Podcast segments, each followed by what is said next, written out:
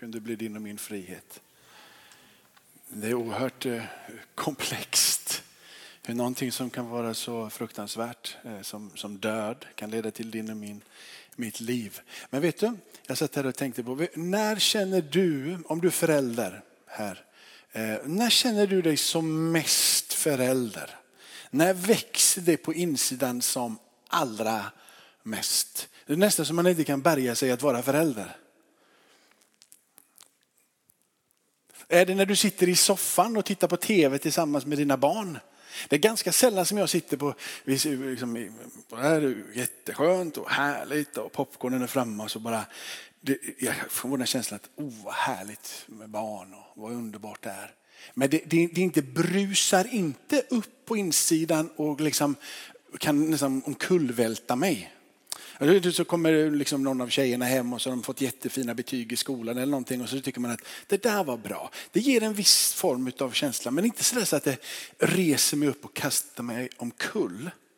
Men när jag hör att de inte har kommit hem eller den gången jag fick vara med Nomi och ligga på sjukhuset och vaka och man inte, liksom, hon var så mycket febrig och man varenda liten, liten fibercell, skinnbit, nagelbit säger jag är hennes pappa, det här ska vi ta oss igenom.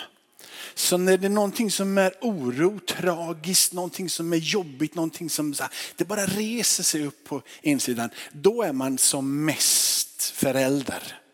Och vet du, det är så som Gud ser på dig och mig.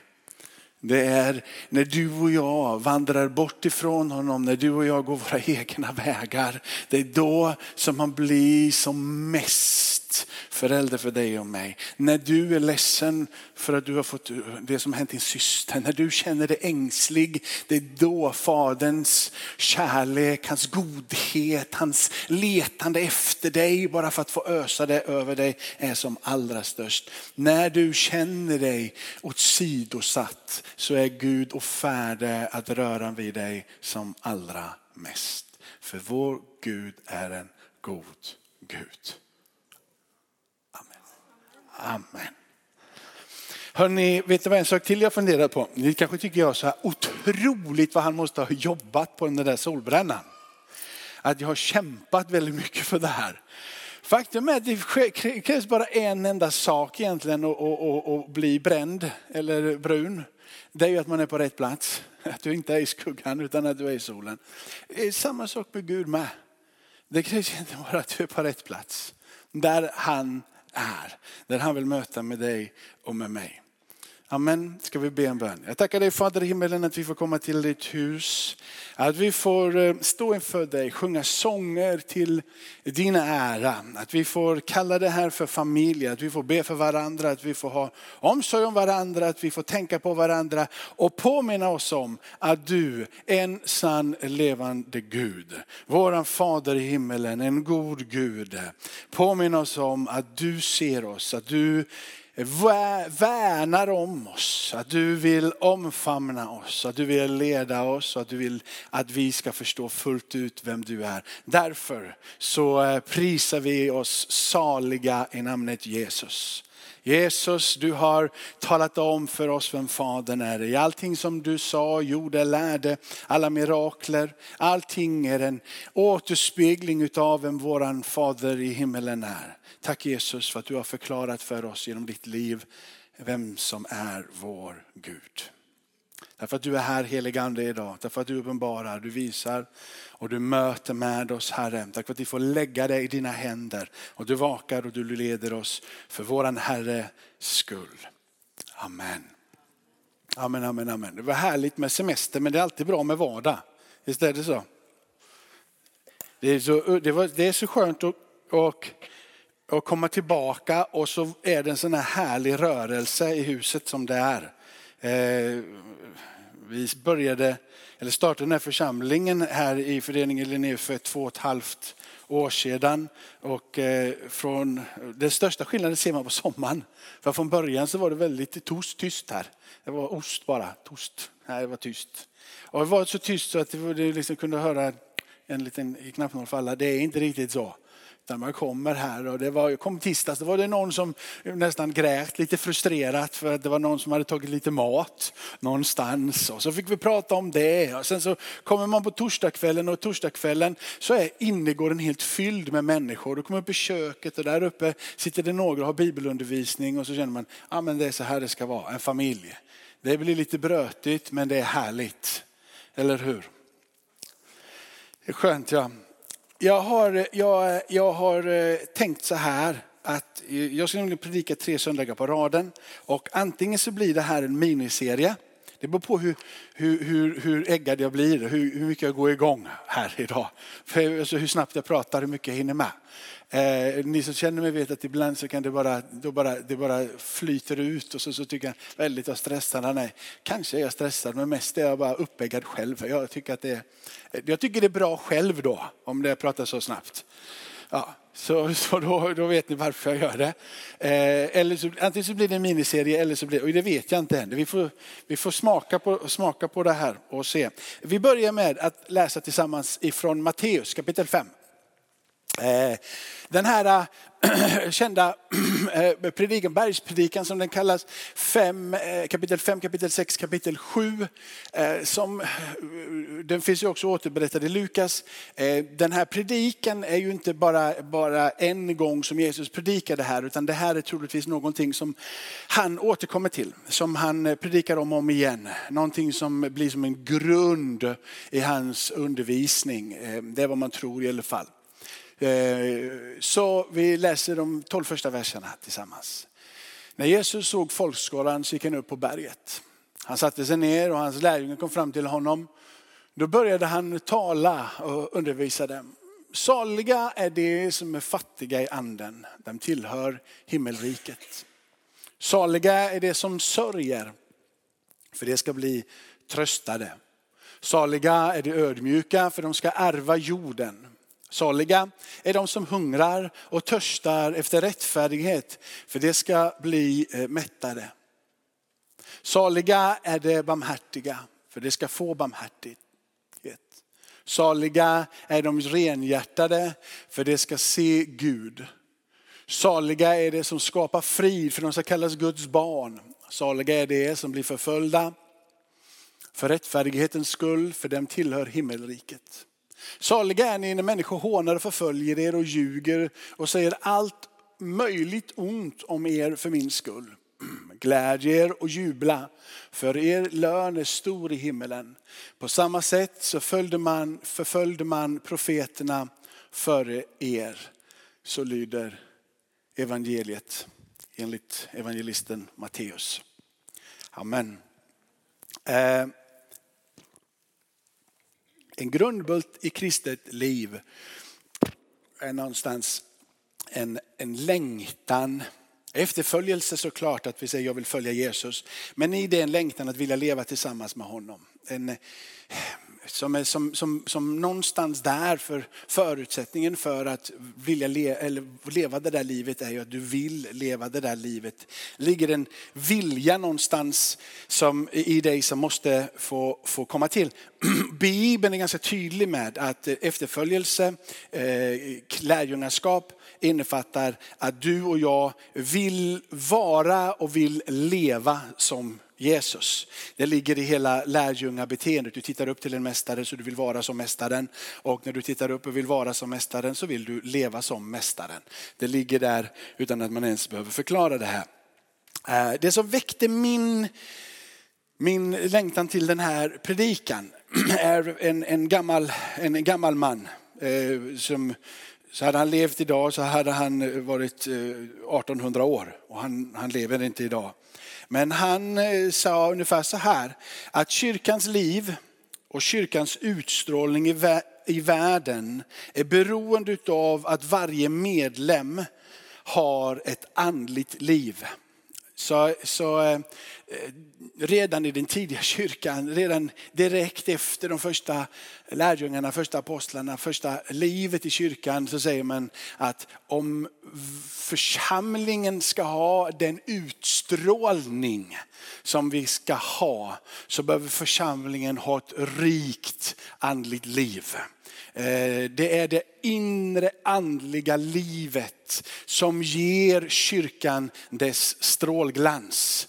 Eh, återspeglingen av han som utstrålar Gud själv, Jesus. Det är då, alltså när du då tittar på så handlar det ju inte om att, att, vara, att vara återhållsam med din kropp i, i plåga för att komma till den platsen där du kan ta emot andligt liv. Och det är inte heller en vidlyftighet här att agera, göra som du vill för att det är Guds nåd.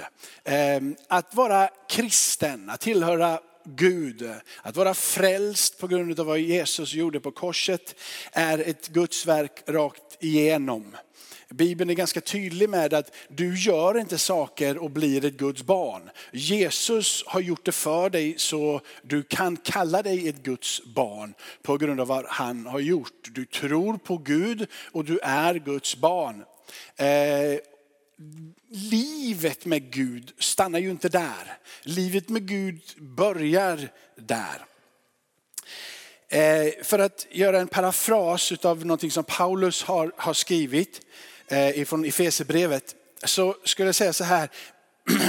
Gud bor ju inte i ditt kött.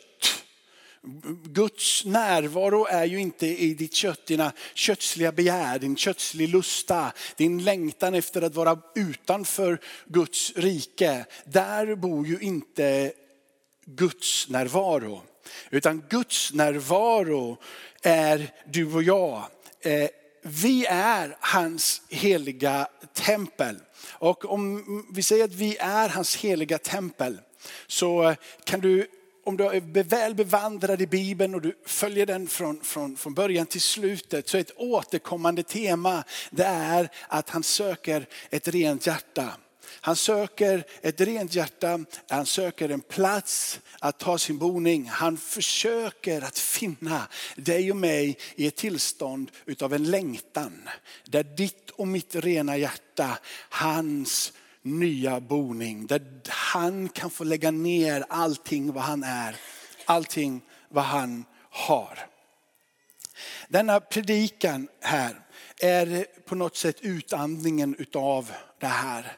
Eh, du kan ha uppe den salighetsprisningen. Eh, så den ligger där. Han är inte på plats. Okej, okay. det kunde jag ju sett om jag hade tittat. Eh, så här, om, om jag varje dag har några former av rutiner. Jag lämnar barnen på skola och när jag lämnar barnen på skola så har jag, möter jag ganska många föräldrar eh, där. Och eh, vissa av föräldrarna klart har jag, har jag pratat med men de flesta föräldrarna har jag inte pratat med. Jag ser dem komma i, i, i olika kläder och jag ser dem ibland vara väldigt stressade och frustrerade. Och eh, du kan lägga upp den salighetsprisningen där uppe. Och, och så, så har jag, när jag har gjort det brukar jag ofta om jag har tid över var där och så åker jag och ställer bilen och så brukar jag gå en bönepromenad här där och när jag kommer dit vid den parkeringen som jag brukar stanna så brukar det också vara eh, folk där som parkerar och jag ser dem. Eh, men ingen av dem på den här parkeringen har jag någonsin pratat med. Men jag kan säga ganska mycket om dem. Jag kan säga en blå skjorta brukar den personen ha. Och jag, jag känner igen liksom hela deras beteende. Så, så, så jag kan säga ganska mycket.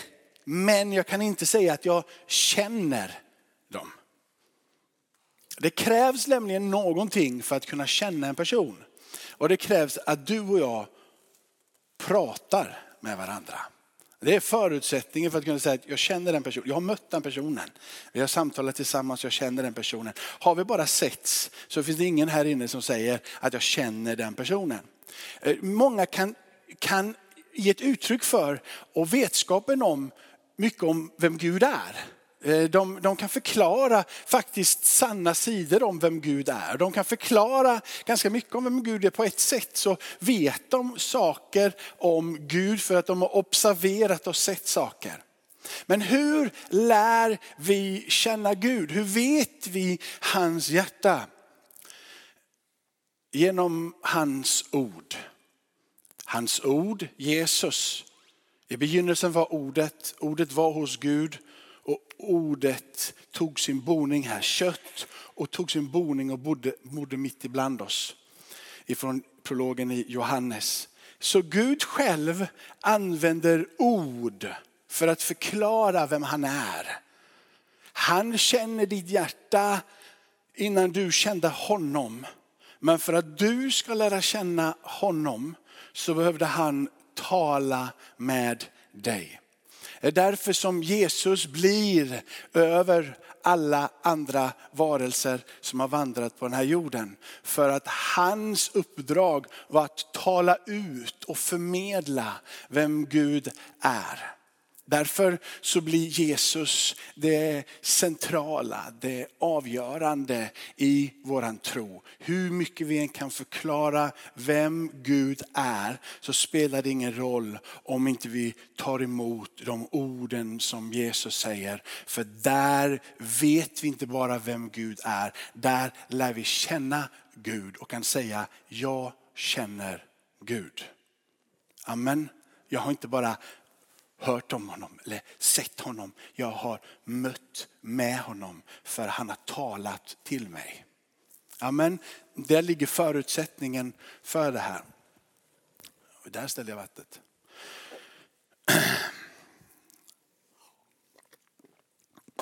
Därför är det så viktigt att förstå vad det är som vad det är Jesus säger. För när Jesus säger någonting så är det så. Jesus säger någonting så är det vårt uppdrag att följa den vägen och lyssna och värdera det som han säger. Och Jesus säger så här, saliga är de renhjärtade, de ska se Gud. Och då, då, då är det så här att för mig då så är det ganska klart, du kan se Gud.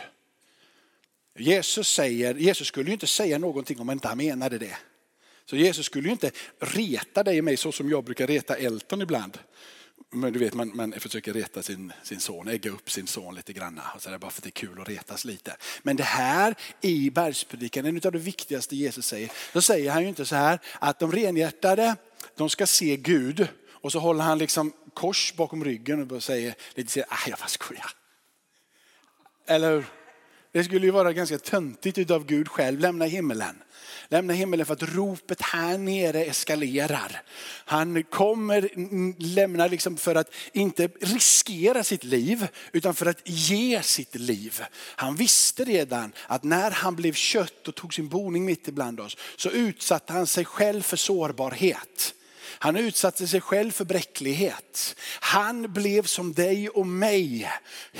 På lite ganska ibland kanske darrande knän. Han till och med om det här är möjligt Gud. När han ber i ett semane, om det här är möjligt ta det här ifrån mig men inte som jag vill som du vill. Där säger Jesus själv att jag ber till dig och han får inget bönesvar själv. Någonstans så hade Guds son ställt sig här med oss förgängliga för att du och jag skulle kunna möta den oförgänglige. Amen. Han blev bräcklig för att du och jag skulle kunna få bli hela. Så när han säger att saliga är de renhjärtade så tar jag Jesus på orden. Jag kan se Gud. Jag kommer se Gud och jag kan se Gud. Och för, att, för att inte gå in liksom vidare, för när, i början av saligprisningen där så är det så här, där, där står det att de som är fattiga anden de ska få, få ärva himmelriket, de ska få se himmelriket, de ska få ta emot himmelriket. Och himmelriket är något som Matteus använder för att förklara det som Lukas säger är Guds rike. Himmelriket och Guds rike är samma sak. Det är någonting som kommer och det är någonting som är nu. Det är någonting som är mitt ibland oss och som är i oss. Och de, de här som jag pratade om, de gamla farbröderna då, så hade de levt nu så hade de ju varit 2000 år liksom. En av dem eh, är ganska, tycker jag, krasst talar ut det här. Den säger att det direkta skådande av Gud, det direkta skådandet av Gud, det hör evigheten till. Det kan vi förstå. När Jesus kommer tillbaka och vi rycks upp och vi är tillsammans med honom så kommer vi alltid att få se Gud. öga till lördag. Det direkta skådandet av vem Gud är, det kommer vi att få se fullt ut den dagen som vi möter honom. Men de säger också, men att de renhjärtade, de ska faktiskt få se Gud här och nu. Och varför de är så tydliga med det och varför de säger det så tydligt är för att det ligger runt alla de andra saliga prisningarna. Saliga är det som ska skapa frid, de som får kallas Guds barn. Är det med? Saliga är de som är barmhärtiga för det ska få barmhärtighet. Det kan inte vara den nästkommande tiden, den eviga tiden. De som saliga är det barmhärtiga för de ska få barmhärtighet. Det måste ju definitivt vara i den här tiden, eller? Det finns ju ingen barmhärtighet att varken få eller ge i den tiden som kommer, där allting kommer vara eh, liksom amen och halleluja. Eller hur? Och eftersom denna saligprisning ligger i samma saligprisning som alla andra så får man, får man ju liksom förstå att det innebär att vi faktiskt kan se Gud även i denna tidsålder. Du kan få möta med honom och du kan få bli förvandlad med honom. Detta har inte varit en fråga i kristenheten eh, utan en grundmurad sanning i kristenheten ända tillbaka till den tidiga kyrkan. Vi kan skåda, vi kan se, vi kan möta med Gud här och nu. Det finns, det finns för att göra det här jag hoppas inte jag blir för lång inledning, så jag bara blev en inledning på predikan. Och så blir det. Men, men så här att om, om, om allting sker tillsammans med Gud i, i vad ska jag säga, kalla det etapper. Det som är en djup sanning som du ska få erfara fullt ut senare i evigheten ska du få erfara nu här idag. Du till och med förstår vad jag säger, eller hur? Ja, men så det, det, går, det som är fullt ut sen är också, är, är också nu. Och då så, då så kan man säga så här, det finns ett slutmål. Och slutmålet är himmelen. Slutmålet är att fullt ut få vara tillsammans med Gud i himmelen. Och för att då se det här slutmålet klart och tydligt så behöver man ha någonting som är närmare. Det är ganska jobbigt att leva, jag ska bara leva för himmelen, bara leva för det som är där borta och jag har det i kikan. Det målet, det är så stort och det är så vitt så det är helt omöjligt att greppa. Hur, vad är det då? Då behöver du ha någonting som är närmare. Och en sak som är närmare än vad du någonsin kan tänka, eller har kanske tänkt när det kommer till att gå in i det slutmålet där borta, det är ditt hjärta här. Ett av dina mål för att få uppleva slutmålets fulla härlighet är att vaka över det målet som är ditt hjärta. Det finns ett mål och det är att det i hjärtats plats är Guds tillhörighet. Målet där borta, slutmålet, blir uppfyllt genom att du vakar över det som är närmålet. Du vakar över ditt hjärta. Hjärtat är ditt fokus. Hjärtat är ditt bullseye. Du siktar mot någonting och du siktar mot ditt hjärta. Och när hjärtat är ditt närmål, du, renhet eller ödmjukhet eller vad sådär. Va? När det är där så leder det till att du får uppleva slutmålet. Om du bara har fokus på slutmålet där borta och det är det centrala och det viktiga så är det ganska lätt för dig och mig i våra bräckliga liv att gå lite, lite bananas.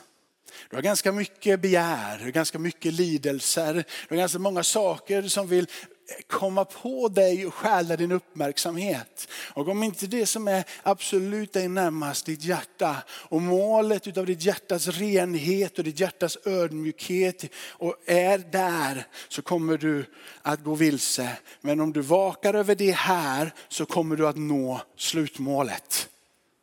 Är ni med på resan? Amen. Så de renhjärtade ska få se Gud. Bibeln sen.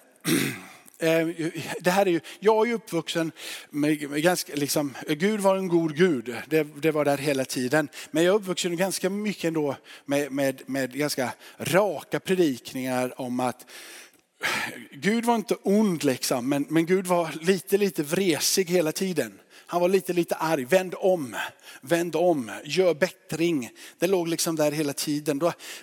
Så man som hade lite grann hela tiden lite, lite, lite stygn. Det var lite, lite, lite, lite jobbigt. Man kände liksom, är jag verkligen liksom Guds barn eller är jag, är, är jag verkligen Guds? Liksom? Och som, som, så det, det fanns någonting som, som gnagde där lite hela tiden.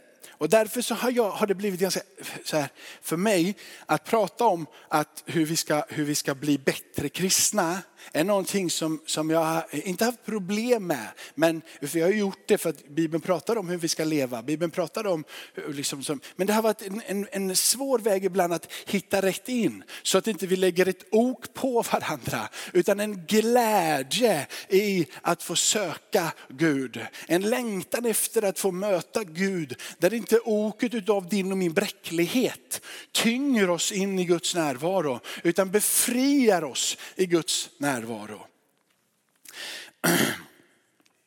Så Bibeln uppmanar oss att söka ett rent liv. Löftet för ett renade hjärtat, se nu klart och tydligt, det är att du och jag ska få se Gud.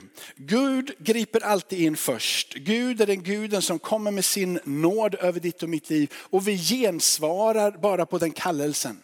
Vi följer honom för att han bjuder in oss att leva tillsammans med honom. Där sker någonting. Eh, din vilja behövs. Om inte du har med dig någon vilja på din resa så, så eh, kommer varenda hinder kan jag få kalla det hinder istället för synd eller lidelser, begär eller så kan jag få kalla det bara hinder. Det hinder som kommer på din väg. Hinder kommer komma ständigt där. Om inte du har en vilja att ta dig igenom dessa hinder så kommer du att bli omkullvält utav dessa hinder. Om inte du vet hur du ska hantera hindren utifrån uppmaningarna från Paulus eller Jesus eller någon annan utav de som har blivit återberättade deras lärdomar i Bibeln så vet du inte hur tar jag mig an de här hindren som ligger i min väg. För klart är eftersom Paulus talar ganska ofta mycket om det och Jesus också är inne på det. Så är det ju så här att hinder kommer komma. Hinder kommer komma hela tiden. Människan måste därför lära sig att undanröja det som är hinder. Hur undanröjer jag det som är hinder? Hur tar jag mig över? Hur låter jag det som är laster, begär, lidelse, synd bara bli ett hinder på vägen och inte ett ok som griper mig och kväver mig och dödar mig. Hur kan jag låta istället en sann undervisning och en sund undervisning ifrån skriften ta dessa synder, lidelser, begär, låta dem få bli ett hinder på vägen men lära mig att överstiga dessa hinder. Lära mig att plocka bort dessa hinder. Det är det som handlar om att se Gud den renhjärtade ska få se Gud. Det handlar om att du låter de hinder som blockerar dig från Gud, att du lär dig plocka bort det hindret ett efter ett av det som vill stå i vägen så du fritt kan skåda Gud. Jesus säger att om någon vill göra min faders vilja, om någon vill göra min faders vilja ska han förstå om min lära är ifrån Gud. Så Jesus är ganska klar med att vad jag säger till dig, det kommer ifrån Gud själv. Det är min lära. Vägen till att se Gud och få bort hindren ligger i det som jag undervisar. Det som blockerar, du kan inte vinna det själv. Du kan inte vinna den kampen själv, utan det ligger i de ord som kommer ifrån Gud själv. Så om du får ett hinder på vägen som blir en lockelse, lidelse, besvär eller vad det är som gör dig för det står på vägen, så säger Jesus själv, du kan inte övervinna det här. Vi som församling eller personer, om vi vill så som den här gamla farbrorn med skägg som hade varit liksom 1800 år, om han hade levt idag, säger att det som för kyrkan är ett måste, är ett rikt andligt liv om, skåda, om du ska skåda kyrkan, se kyrkan så är det ett rikt andligt liv som behövs. Om det nu ligger i de orden som Jesus säger att du kan inte övervinna hindret själv. Du behöver ta mina ord, mina undervisningar, lärdom av vad jag säger. Då kan du lyfta bort hinder efter hinder. Och det är ganska intressant. För, för, jag försöker liksom ta gamla djupa sanningar och måla om det i ett paket för, för den här tiden. Men det finns, ett, det finns ett, en, en, en, annan, och den här är, det är så vedertaget, liksom en klassisk förståelse ifrån den tidiga kyrkan och ända hela vägen fram till oss idag. Är det här att om du vill växa andligt så krävs det tre saker. Det krävs ett röjningsarbete. Det krävs, det krävs att du tar fram röjsågen. Röjning är en del. Röjning, rening. Bortplockan ogräs. Du vet, du gillar ju trädgård. Ogräs krävs att du... Det krävs rening. För att komma vidare på den resa som Gud kallar dig och mig in i, ifrån klassisk förståelse, så är det så här att nästa del det är upplysning. Det är insikt, det är förståelse, det är kunskap, det är en bank av information som du måste ta till dig. Och när du tar till dig den kunskapen, den banken av förståelse, så sker någonting, säger, säger dessa lärda män. Då sker en förening. Du och Gud smälts samman. Observera, när jag säger andlig tillväxt så var både röjningen och upplysningen och föreningen med Gud själv någonting som uppmanades efter frälsningen. Så du har frälsningen här. Och allting Gud har gett är fritt och förintet. Men så kommer uppmaningen och säger att hindren måste röjas. De som har placerat sig där, de måste röjas. Andlig tillväxt, att du och jag växer andligen. Grundat i en biblisk förståelse, kommit ut ur Jesu mun själv. Är att du behöver röja bort hindren. Du behöver bestämma dig för vem som ska vara det centrala. Ta bort det som är oviktigt i ditt liv. Lämna det åt sidan. Plocka, plocka bort det komma in i det som är ordet. Kommer du ihåg att jag sa i början här, nu kör vi fem minuter till så landar vi sen. Jag kommer att säga i början att om du ska lära känna Gud, om du ska lära känna Gud så är det de orden som Jesus säger. Det är orden som gör att vi lär känna varandra. Därför så är det orden ifrån Jesus som ger den andliga mylla, den andliga tillväxt som gör att du och jag kan förenas med honom. Så du röjer bort för att bli ren. Du läser vad Jesus säger för att få förståelse om vem det är som omfamnar dig. Och då så förenas du med honom och du får känna hans hjärtslag. Du har sett Gud. Amen. När det kommer till den här resan så är det en otroligt viktig komponent som behövs. Och det är urskiljning. Det är att veta vad det är som står i vägen. Förstå det som kan vara hemliga hinder. För att när vi pratar, när du blir frälst så har du blivit frälst. Och på ett sätt då så har du ett rent hjärta. För du har blivit renad. Men eh, vi behöver ständigt omvända oss. Vi behöver ständigt komma till Gud och säga jag behöver förlåtelse för det här och det här. Så det finns, även om vi är renade inför Gud och tillhör Gud så behöver vi leva i en process av omvändelse utav förnyelse. Och här kommer gåvan att urskilja. Inte bara när det kommer till det som är andligt men också urskiljningens gåva att kunna skilja på det som du har mitt framför dig som inte ser så andligt ut. För vissa saker och dessa under en tid leder dig bort och andra saker kommer leda dig åt något annat håll. Och när du får ta emot och du ber Gud om att kunna urskilja både det som är andligt men också förstå det som är mitt framför dina ögon som har satt ett hinder så du inte kan få förståelsen och på så sätt förenas med Gud. Urskiljningen att kunna enkelt plocka bort detta. Därför så blir salighetsprisningarna ännu mer viktiga. Om du går tillbaka en till, till, till vers nummer fem tror jag där. Jag tror det är vers nummer fem. Saliga är de ödmjuka för de ska få ärva jorden. Vad är, vad, vad, vad, vad är, om det är någonting som är sen, kommer ni ihåg? Och någonting som är nu, den här, det är inte bara sen utan det är nu. Vad skulle då, vad skulle då det här vara? Jag har, har liksom funderat, tänkt, grävt och läst lite runt omkring. Och, och det enda som jag kan komma eh, på, liksom, och som ett stycke stämmer, det är att jorden på något sätt får vara din och min mylla här inne. Att det är ditt och mitt hjärta. Så saliga är de ödmjuka. Om du ödmjukar dig inför Gud så ska du få se Gud. Det är en klassisk förståelse i Bibeln. Men saliga är de ödmjuka för det ska få ärva jorden. Saliga är du om du ödmjukar dig. För då ska du få besitta ditt eget hjärta. Du ska få ärva ditt eget hjärta. Det ärva ditt eget hjärta så att du kan bjuda in Guds frid. Så att du kan med din vilja säga, jag vill att han ska bo här inne. Ditt hjärtas lidelser, hinder lockar dig inte bort ifrån. Utan när du ödmjukar dig inför Gud så erövrar du ditt eget hjärta. Ditt hjärta blir överlåtet Gud så du kan säga kom. Låt din frid få bo i mitt hjärta.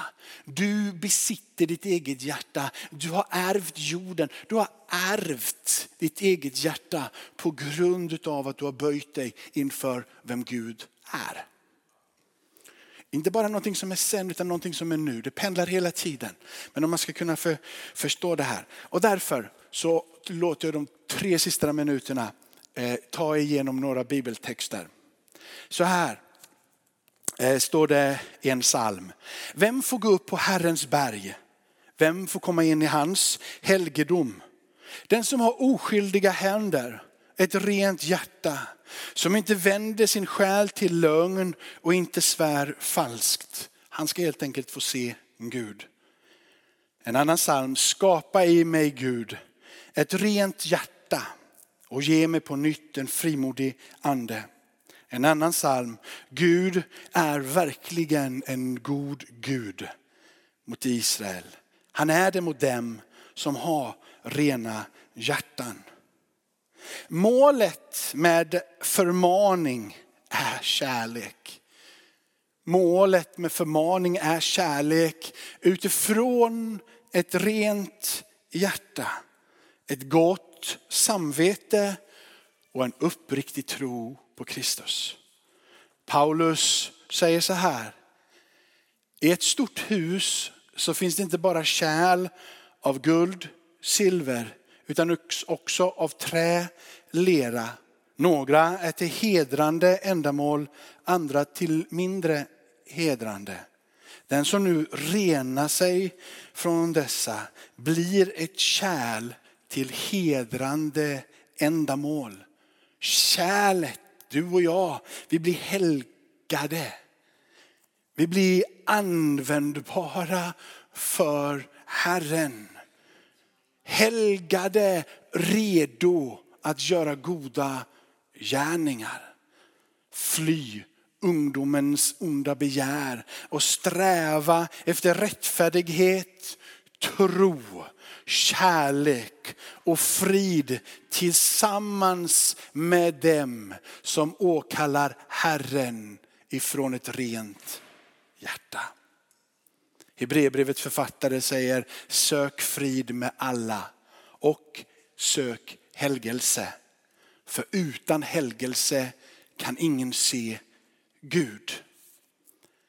En bibelvers till. Guds barn. Han adresserar dig och mig som Guds barn. Evangelisten Johannes. Nej, det är från Johannes första brev. Se vilken kärlek Fadern har skänkt oss. Att vi får kallas Guds barn. Och det är vi också. Världen känner oss inte eftersom den inte har lärt känna honom. Mina älskade, nu är vi Guds barn. Och än är det inte uppenbarat vad vi ska bli. Men vi vet när han uppenbaras så ska vi bli lika honom. För då får vi se honom sådan som han är. Och så säger han i vers 3. Och var och en som har det hoppet till honom rena sig nu. Liksom han är ren. Tackar dig Fader i himmelen för att vi får bli inspirerade utav ditt ord. Att leva ett liv som eh, ärar dig Herre. Vi vet att en helgelseprocess, att leva med ett rent hjärta, är ingenting som vi kan göra i oss själva. Vi behöver dig, vi behöver kraften ifrån dig. Vi behöver hjälp med röjningen. Vi behöver ha din ande som uppenbarar för oss och din närvaro till förening. Vi ber att du hjälper oss att i denna tid leva rent inför dig. Att inte komma i en lagisk helgelse som blir någon form av en falsk religion. Utan istället en hjärtats överlåtelse till konungarnas konung och herrarnas herre. Att vi får böja oss inför dig och ödmjuka oss och ta emot det rika liv som du har förberett för oss Herre. Lägg ner en längtan i oss att få bli kärl som får vara till hedrande ändamål. Lägg ner längtan i oss att få vara kärl, redo att göra goda gärningar Herre. Renade hjärtan, vi vill förenas med dig, vi vill se dig och vi vill ta våra hjärtan hjärtats i besinning. Vi vill ödmjuka oss. Vi vill ärva våra hjärtan. Vi vill besitta dem med det som är utav dig och inte hindren i den här världen. Rör vid oss, möt vid oss och välsigna avslutningen av den här gudstjänsten. I ditt välsignade namn Jesus är det som vi ber till våran Fader i himmelen. Fyllda och inspirerade utav den helige Ande. Amen. Ära vare Fadern och Sonen och den helige Ande, nu och för alltid och i evigheternas evighet. Amen.